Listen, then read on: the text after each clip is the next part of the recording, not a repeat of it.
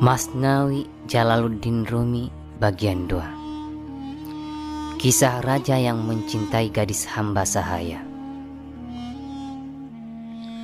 Pada suatu masa dahulu ada seorang raja yang kedalatannya meliputi dua alam. Pada suatu hari Baginda pergi berburu bersama pengiring-pengiringnya. Di sebuah jalan raya Baginda melihat seorang hamba perempuan yang sangat cantik yang membuat hati Baginda terpesona. Seperti burung yang terkungkung dalam sangkar, jiwa Baginda menggelepar dan tanpa berpikir banyak, Baginda mengeluarkan uang untuk membeli gadis itu. Sesudah keinginannya terkabul, malang tak dapat ditolak. Tak lama kemudian, gadis itu pun jatuh sakit. Seperti orang yang punya keledai namun tak punya pelana. Demikian keadaan Baginda. Ketika pelana didapat, keledainya dilarikan serigala.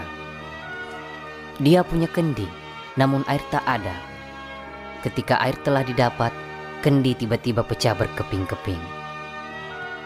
Raja segera menghimpun tabib dari seluruh pelosok negeri dan berkata, Hidup kami berdua terletak di tangan kalian. Keadaanku jangan dirisaukan.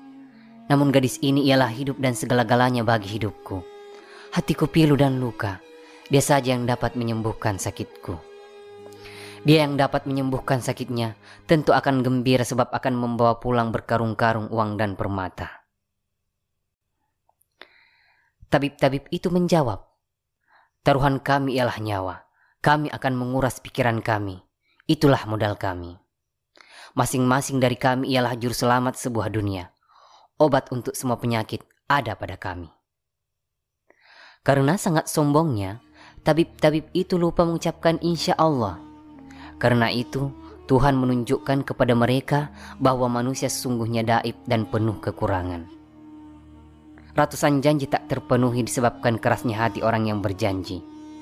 Mengucap janji tak penting, karena tak jarang sebuah janji merupakan lontaran kata-kata manis belaka. Sering orang tak berjanji apa pun, namun jiwa perbuatannya sejalan dengan jiwa dari janji yang diniatkan dalam hatinya. Semakin banyak obat diberikan dan pengobatan dilakukan, si gadis semakin parah sakitnya dan raja kecewa keinginannya tak terpenuhi. Tubuh gadis itu kini kurus kering, bagaikan sehelai rambut, dan mata Baginda bagaikan sungai yang deras, air mata darah mengalir terus-menerus. Agaknya memang ditakdirkan roman obat dari campuran madu dan cuka hanya menerbitkan kesal. Minyak buah badam mengakibatkan tubuh gadis itu semakin ceking. Merah bola yang diberikan menimbulkan sembelit, ketegangan pun timbul, air mata bercucuran dari nyala api bagaikan nafta. Raja berpaling kepada Tuhan. Manakala raja tahu para tabib tidak dapat menyembuhkan gadis itu, maka segeralah Baginda lari bertelanjang kaki menuju masjid. Begitu masuk ke dalam masjid, Baginda langsung menuju mihrab untuk salat.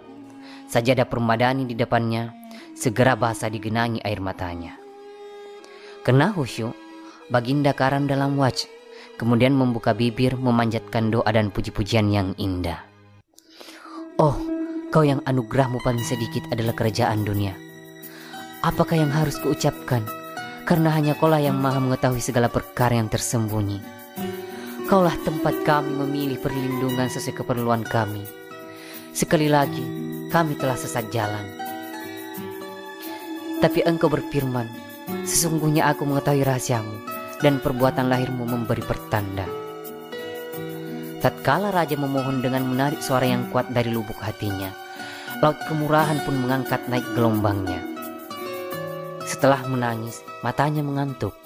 Dalam tidurnya raja bermimpi ada seorang lelaki tua datang menghampirinya dan berkata, Kabar baik, wahai raja.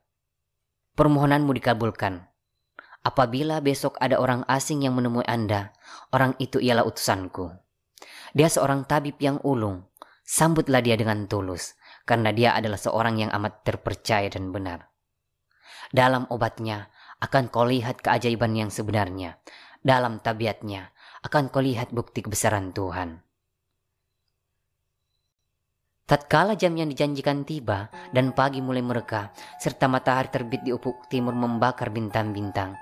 Raja pun bersiap di atas menara, menunggu untuk menyaksikan peristiwa ajaib yang disaksikan dalam mimpinya. Maka tampaklah kini seorang lelaki yang sangat piawai dan terhormat sedang berjalan.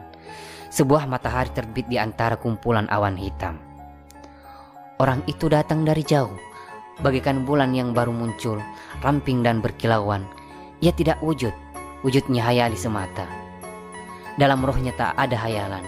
Namun lihat, betapa kemudian alam tiba-tiba berubah menjadi hayalan. Damai dan perang berubah menjadi hayalan.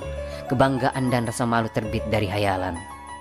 Namun semua hayalan yang menjerat para aulia ialah bayangan seorang yang molek yang berasal dari taman ilahi. Pada wajah tamu asing itu, nampaklah hayalan yang disaksikan raja dalam mimpinya. Dengan mendahului pembesar lain, raja tampil ke depan untuk menyambut tamunya yang datang dari yang gaib. Mereka berdua ialah pelaut yang mahir berenang. Jiwa mereka ialah kain tenunan yang tidak dijahit. Raja berkata, Kau ialah kekasihku. Dia bukan kekasihku. Tetapi di dunia ini, perbuatan berasal dari perbuatan juga. Oh, Kau yang bagiku bagaikan Mustafa, sedangkan aku ialah Umarnya. Akan kuikat pinggangku untuk melayanimu.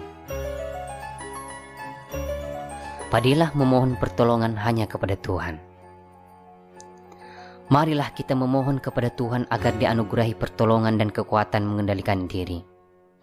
Orang yang tidak mampu mengendalikan diri akan menemui banyak rintangan dalam meraih rahmatnya. Orang yang tidak disiplin bukan hanya membuat sengsara dirinya sendiri, namun seluruh dunia ia letakkan di atas bara api. Tanpa ada kesukaran, meja berisi hidangan diturunkan dari langit, dan orang tidak payah membelinya. Ketika beberapa pengikut Nabi Musa tidak percaya akan hal itu dan berseru, di manakah merica dan miju-mijunya? Segera, kiriman roti dan makanan dihentikan dari langit, dan akibatnya mereka harus bekerja berat menanam benih dan mencangkul ladang. Begitu pula ketika Nabi Isa menjadi perantara bagi kaumnya. Tuhan mengirim makanan dan kemurahan dari langit berdulang-ulang. Namun sekali lagi, jemaat yang sombong abai menunjukkan rasa hormat dan bagaikan pengemis mereka saling berebut makanan dengan rakusnya. Manakala Nabi Isa berkata, ini yang terakhir kali. Setelah ini, tak ada lagi hidangan diturunkan ke bumi. Bercuriga dan rakus di hadapan meja keagungan Tuhan sama dengan tak sudi mengucap rasa syukur dan terima kasih. Kesombongan membuat buta mata orang yang kurang ajar. Karena itu, pintu rahmat ditutup bagi mereka. Mengelak sakat memang tak menyebabkan gumpalang awan datang di langit. Namun berkembangnya pelacuran akan menyebabkan wabah penyakit menyebar ke seluruh negeri. Apa pun kemurungan dan kepiluan hatimu, semua itu merupakan akibat dari perbuatan kurang ajar dan kesombongan yang melampaui batas. Siapa yang berbuat kurang ajar di jalan sahabat, ialah penjahat yang merampok harta orang ramai. Dia bukan manusia sejati. Karena patuh dan tertib, maka langit dilimpahi cahaya. Karena patuh dan tertib, para malaikat menjadi bersih dan suci. Karena kurang ajar, matahari timpa gerhana. Dan karena kesombongannya pula, Asasil diusir dari pintu surga. Pertemuan raja dan tabib yang datang dalam mimpi. Bersambung.